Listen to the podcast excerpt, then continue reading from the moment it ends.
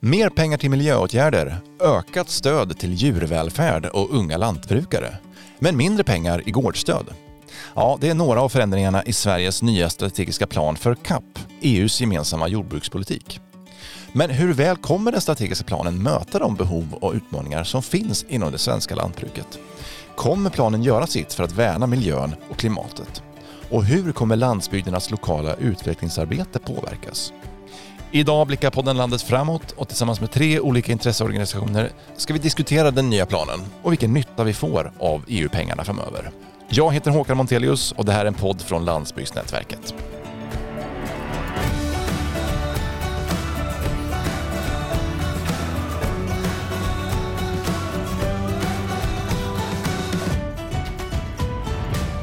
Ja, Sveriges strategiska plan för EUs jordbrukspolitik är nu inskickad till EU för utvärdering. Och nu i veckan så höll regeringskansliet ett sakråd om planen om hur vi i Sverige ska genomföra CAP under nästa programperiod som inleds 2023. Ett hundratal personer deltog i det här sakrådet, däribland dagens tre gäster. Och jag börjar med att säga hej och välkommen till Lovisa Westling, ordförande Lokal Utveckling Sverige. Hej, hej! Hej! Du var med i podden Landet för inte så länge sedan när vi pratade om Blott lider, men då hette du Lovisa Karneland. Jajamän. Det har hänt någonting här. På. Ja, jag passade på att gifta mig här innan jul. Ja, då säger vi stort grattis och välkommen tillbaka till podden Landet. Tack, tack. Vi säger också välkommen till Sofia Björnsson, expert på jordbrukspolitik på LRF, Lantbrukarnas riksförbund. Hej Sofia! Hej! Och Pim Bent, sakkunnig odlingslandskap på Naturskyddsföreningen. Hejsan! Välkomna alla tre. Ja, man skulle kunna säga att ni representerar perspektiven lokal landsbygdsutveckling, jordbrukets konkurrenskraft och miljö och klimatintressena i Sverige. Tre viktiga aspekter i den helhet som EUs gemensamma jordbrukspolitik syftar till. Spontana reaktioner från er tre, är ni nöjda efter det här mötet? Om vi börjar med dig Sofia. Jag tycker att eh, givet förutsättningarna eh, så, så var själva mötet bra. Bra presentationer och så vidare. Sen så eh, eh regeringens plan den, ja, men den innehåller både aspekter som LRF tycker är bra och LRF som, saker som LRF tycker är kanske lite mindre bra. Men i många frågor så anser väl vi att regeringen har gjort ganska, ganska bra avvägningar. Vi, vi är såklart inte nöjda och det ska vi väl heller inte vara för då har vi ju siktat lite, lite för lågt. Mm. Pim, vad, vad säger du? Ja, vi är en miljöorganisation och vi måste utvärdera den strategiska planen som sådan. Och utifrån ett miljö och klimatperspektiv så är vi inte alls nöjda med den strategiska planen. Och det är ju ett eh, komplext material att analysera men ett enkelt sätt att göra det lätt för sig är att titta på vad som är nytt och hur det nya har bäring på de två stora ödesfrågorna vi har idag, vilket är klimat och förlusten av biologisk mångfald. Och då ser vi att nyheterna på de här områdena är försvinnande små. Och det gör att vi sammantaget inte tycker att det här är en strategisk plan som gör vad den behöver göra. Och Lovisa Westling från Lokal utveckling Sverige, vad är dina reflektioner kring sakrådet? Jag tycker som Sofia att mötet i sig var jättebra ordnat med tanke på omständigheterna. Bra presentationer. Eh, generellt så har ju inte vi hunnit gå igenom den i detalj, själva den strategiska planen, men vi ser ju att man har lämnat kanske lite för stort ansvar på lands, den generella landsbygdsutvecklingen på Lider. Man har ju lyft bort alla de frågorna nästan från Länsstyrelsen och man är väldigt tydlig nu från Jordbruksverkets sida att den generella landsbygdsutvecklingen i Sverige är ett ansvar för Lider. Och då är det ju också viktigt att vi får Lider överallt och en budget som matchar de åtgärderna som, mm. som finns. Jag känner igen mycket av ditt resonemang här från senast när du var med i podden Landet. Ja, jo, men det är samma, egentligen samma frågor. Att, att det är det här att ska vi kunna genomföra någonting på ett bra sätt som inte bara är, och nu, nu får ni förlåta mig, handlar om, om kossor och grisar och odling. Eh, för att vi behöver ha en levande landsbygd där alla också kan tänkas att bo och även de som brukar jorden behöver ju ha skolor, vägar, aktiviteter och sådana saker. Och, och, det är där lite vi känner att eh, får vi inte hela landet täckt av Lider så får vi inte heller en landsbygdsutveckling och då blir inte Sverige, alltså det blir inte rättvist i landet. Så om jag ska sammanfatta vad ni tre säger här då om den strategiska planen, det är att det kanske inte var några översvallande reaktioner. Det finns en hel del som är bra, men det finns också mycket som skulle kunna bli bättre. Men det, det håller jag absolut med om. Eh, men jag tror att vi också alla kan ena oss om att eh, ser ett behov av förstärkningar på många områden. Och då blir det ju också ganska mycket en budgetfråga, vad man har råd till. Och det är ju tydligt i den här strategiska planen att eh, eh den budget som finns kanske inte räcker till riktigt för, för allt som, eh, som man behöver åstadkomma. Så. Sofia, om du skulle vilja utveckla ditt svar lite mer, vad är, vad är det specifikt du saknar? Nej, men jag saknar eh, men till exempel en, en ersättning för, eh, för vallodling, för hållbar vallodling. Ehm, jag skulle kunna tänka mig eh, mer av djurvälfärdsersättningar. Ehm, eh, utvecklat det som finns idag. Eh, vi ser också, ja, men precis som, som Pim är inne på, vi har stora utmaningar vad gäller miljö och klimat. Och eh, eh, där, där ser vi områden som absolut skulle kunna, skulle kunna utvecklas och också stärkas. Om jag då bollar över till Pimbent, Naturskyddsföreningen. Eh, jämfört med den tidigare planen så är det ju ändå en stor del av budgeten som nu är öronmärkt för just klimatinsatser. Är inte det ändå en förbättring jämfört med tidigare? Jo, givetvis. Det har ju ett stort symbolvärde, Eco-schemes. Alltså att man gör en förflyttning från passiva stöd till liksom konkret miljönytta. Ehm, sen är det frågan vad man fyller de här stöden med. Och där är vi inte nöjda. Är det bara en, symbol, en symbolisk eh, förändring?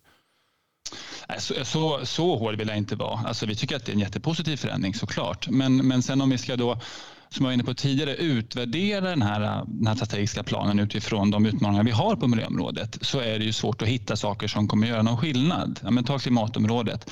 Då har vi egentligen den enda nyheten är att vi har lagt till mellangrödor till befintliga stöd. Ett befintligt stödpaket med vårbearbetning och fånggrödor det är ju en väldigt liten åtgärd utifrån klimatsyfte. Ehm, och det är ju, det är ju svårt att dra en annan slutsats då än att det är otillräckligt. Ehm, tar man på biologisk mångfald så ser det på mångt och mycket likadant ut. Alltså, vi har ju höjt ersättningen till naturbetena. Det är ju bra, men för vissa lantbrukare så gårdsstödet sänks så nettoskillnaden blir noll. Ehm, sen har vi ju höjt eh, investerings... Vi kommer finansiera investeringsstöden för våtmarker mer. Det är ju bra. Där finns det ju insatser för biologisk mångfald. Men sammantaget är det ju pyttesmå åtgärder eh, om vi jämför med det vi måste ta itu med. Mm. Skulle du säga att eh, miljön och klimatet blir en förlorare i den nya planen? Ja, tyvärr skulle jag säga det. Jag måste ju, vi måste ju vara ärliga på den punkten. Liksom. Vi har ju enorma saker att ta itu med och det här är ett, ett paket som omfattar liksom 60 miljarder kronor över många års tid som kommer forma svenska landskap och svenska ekosystem. Det kanske är ett av de kraftfullaste verktygen vi har för att stärka miljönyttan. Vad är det du saknar um, rent specifikt? Och Det kan man ju prata mycket om. Delvis kan man ju prata om hur ambitiös är den här strategiska planen liksom jämfört med andra strategiska planer i Europa. Nu är det många som inte är klara än. Men vi ser ju exempel på andra ingångar som vi tycker är mycket mer lovande. Till exempel Holland som jobbar med liksom poängsystem och integrerade sätt att jobba med eco-schemes där man kan få poäng, mer poäng för olika typer av insatser som tillsammans ger en kraftfull verkan. Så det ser vi som ett synsätt på det här som är väldigt, eh, som är, vi tror är vägen framåt. Men sen konkret vad som ska innehålla på klimatområdet hade det varit bra att man till exempel kan söka stöd för att anlägga våtmarker i klimatsyfte. Det är ett väldigt effektivt sätt att delvis minska utsläpp av växthusgaser från lantbruket samtidigt som det är en, en åtgärd som är bra för klimatanpassning. Sofia Björnsson, LRF, om vi tittar på möjligheterna för att stärka det svenska lantbruket ur ett konkurrensperspektiv. Vad säger du om den här strategiska planen då? LRF ser ju liksom positivt på att man till exempel har stärkt då kompensationsstödet som lämnas i skogsmellanbygd, norra Sverige där förutsättningarna för jordbruksproduktion är lite sämre. Men också investeringsstödet för ökad konkurrenskraft så att lantbrukare har möjlighet att, att uh, fortsätta eller utöka produktionen i landet. Mm alla lantbrukare i EU kommer ju få se förändringar och, och, om vi tänker då på det här gårdsstödet då, inkomststödet när det sänks.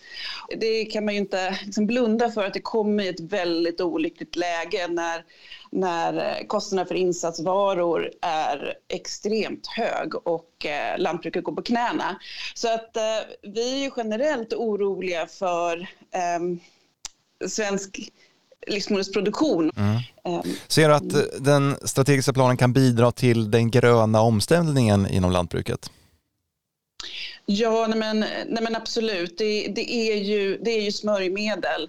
Eh, sen så är det ju alltid så att eh, menar, politiken utformas efter, en hel del efter de behov som finns. Och det är ju en utveckling nu som går väldigt fort. Så att Eh, Eh, det gäller också då att politiken hinner hänga med.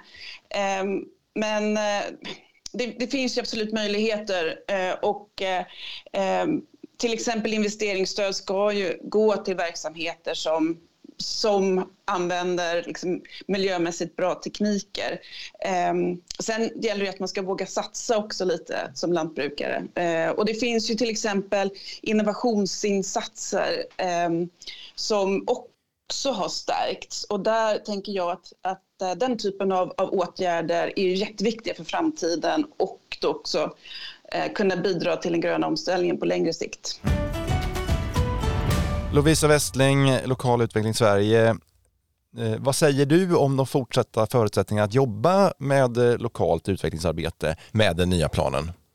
Jag tror ju att vi kan fortsätta jobba på ganska bra med den här faktiskt alltså strategiska planen som inlämnad. Vi har ju fortfarande utrymme och de säger ju hela tiden att vi ska kunna göra allt som vi har gjort under den innevarande programperioden. Men man har faktiskt sett ändå att Eh, landsbygdsutveckling är en viktig del i den strategiska planen. Så att det, är, eh, det är väldigt positivt. Sen mm. är det ju också så att vi rättar i mun efter matsäcken. Vi kommer ju få de resultat vi får budget till och de förutsättningar vi har. Så att det är precis som Sofia var inne på, om vi skulle säga att vi var nöjda så kanske vi hade lagt ribban lite lågt. Så att lagom missnöjd. men, men menar du att det blir mindre pengar för lokalt utvecklingsarbete eller blir det inte så mycket mer pengar som du hade hoppats? Det, det, blir konkret så som vi tolkar det så blir det ju mindre pengar eftersom vi, vi får på pappret mer pengar än vi har i dagsläget. Men vi får då också eh, alltså uppgifter som tidigare Länsstyrelsen fick finansiering för om man lyfte över till LIDER. Och där har jag inte summan exakt i huvudet men jag vet att det blir per, per automatik en minskning. Men vi är ändå väldigt nöjda för att man har valt att lägga sig så pass högt som man har. Men vi hade ju gärna hoppats på lite mer, framförallt när vi ser det enorma trycket i att verka och bo på landsbygden, framförallt i pandemin. Som vanlig skattebetalare då, som kanske inte diskuterar EUs jordbrukspolitik till dagligdags, vilken nytta kommer man då se av den strategiska planen? Ur ett längre perspektiv så, också så har man ju sett att CAP har haft eh, stor påverkan på eh, möjligheten att eh, låta beta naturbetesmarker till exempel. Det var, det var ett exempel, men lite av det här att, att eh, lantbruket också finns kvar och att man, man kommer att eh, ja, kunna fortsätta utveckla saker. Jag tror till exempel en sak som vi kommer se det är att fler kommer ehm, eh, ha möjlighet att förbättra sin täckdikning genom olika typer av investeringsstöd. Så det kan bli så att när man är ute och åker på vägarna i Sverige eh, kommande år så ser man lite mer grävarbeten. Vad säger du Pim, vad kommer vi märka av för samhällsnytta? Ja, men, eh, Sofia nämner ju väldigt relevanta saker. Jag tänker liksom inte minst på att vi är i en situation där lantbruket fortfarande inte kan få betalt för många av de mervärden de skapar på marknaden. De kan inte föra vidare kostnader som de har till marknaden. Eh, så att, men vi är i en situation där primärledet fortfarande får en alldeles för liten del av kakan eh, i, i, i värdekedjan. Och då har vi CAP där som gör att vissa former av lantbruk som vi tycker som vi har värden utöver matproduktion är kvar. Och vi vet ju att Sverige har jämfört med vissa andra länder har, liksom, har naturbetesmarker kvar och har en omfattning som andra länder kan vara imponerade av. Sen så Ja, sen kan man ju se, det är väl klart att det är bra att vi höjer finansieringen av våtmarksåtgärder. Då. Det får vi förhoppningsvis se lite fler våtmarker i Sverige. Det är någonting som vi vill se, en nationell våtmarksstrategi i Sverige, där vi tar ett helhetsgrepp på våtmarkerna i hela landet. Och, men det här är ju ändå, mer, ja, mer resurser är ju bra liksom, på det området. Lovisa Westling, vilken eh, samhällsnytta gör CAP ur ditt perspektiv? Jag höll på att säga det är allting annat än betesmarker och våtmarker och annat som man kommer kunna se. Nej, men det är det som är Leaders styrka. Vi jobbar ju utifrån de lokala behoven med lokala utmaningar, vilket gör att förhoppningsvis så ser skattebetalarna som, som befinner sig på landsbygden av olika skäl eh, kommer se våra projekt och resultatet av dem. Men det är som sagt det är jättesvårt att säga vad. Men, men det är de här innovativa utvecklingsmöjligheterna som vi jobbar med på landsbygden. Vi gör den lite, lite bättre. Känner ni att det kommer bli enklare att söka finansiering och få stöd med kamp eller kommer det bli mer komplicerat med den här nya planen? Det blir ju mer regler för samma pengar. Eh, Pim var inne på det att man, man sänker de här eh, gårdsstödet, framförallt där det inte är så omfattande villkor att uppfylla. Eh, samtidigt som andra åtgärder eh, får större utrymme och där är det mer villkor man ska uppfylla för att få del av pengarna. Eh, Jordbruksverket jobbar ju jättemycket med förenklingar eh, och förhoppningsvis så, så kommer man också märka det på, på gårdsnivå. Men vid första anblicken så det är inte jättemånga, jag pratar rätt mycket för lantbrukare om, om CAP och, och, så. Och det är inte jättemånga konkreta förenklingar jag kan presentera tyvärr. Eh, det är ju ett antal stöd som inte kommer ingå i den strategiska planen, till exempel bredband, kommersiell service, biogas, eh, rovdjursstängsel och restaurering av betesmarker. Och de flesta av de här sakerna kan man söka, med, eh, söka stöd för nationellt. Men vilka fördelar och nackdelar ser ni med de här förändringarna att de här bitarna inte ingår i CAP?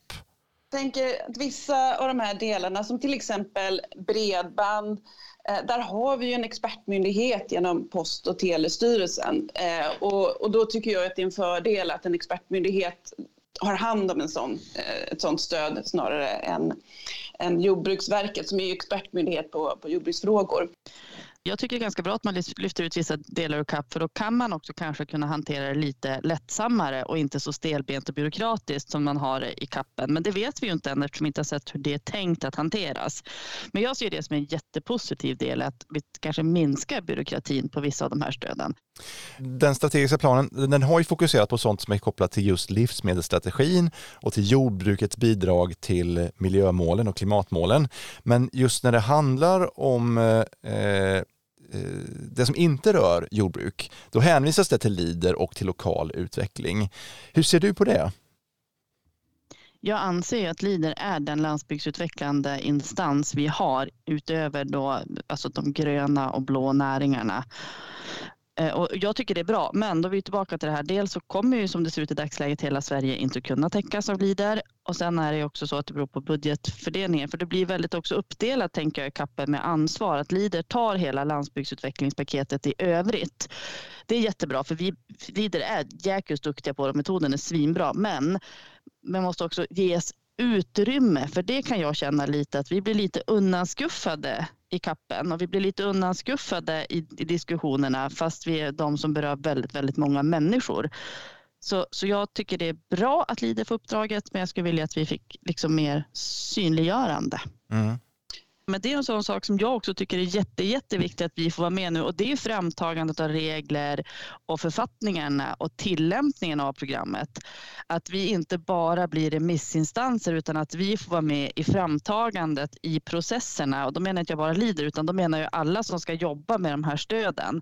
Att man faktiskt är duktig på att tillfråga både handläggare men också kunderna, de som söker, söker olika utvecklingsstöd hos oss. Mm. Och det hoppas jag att Jordbruksverket bjuder in till. Nästa programperiod drar igång 1 januari 2023 är planen och den löper på i fem år. Men när de här fem åren är till ända, hur tror ni då att vi kommer summera programperioden? Vad kommer vi få se för tidningsrubriker 2028? Oj, oj, oj.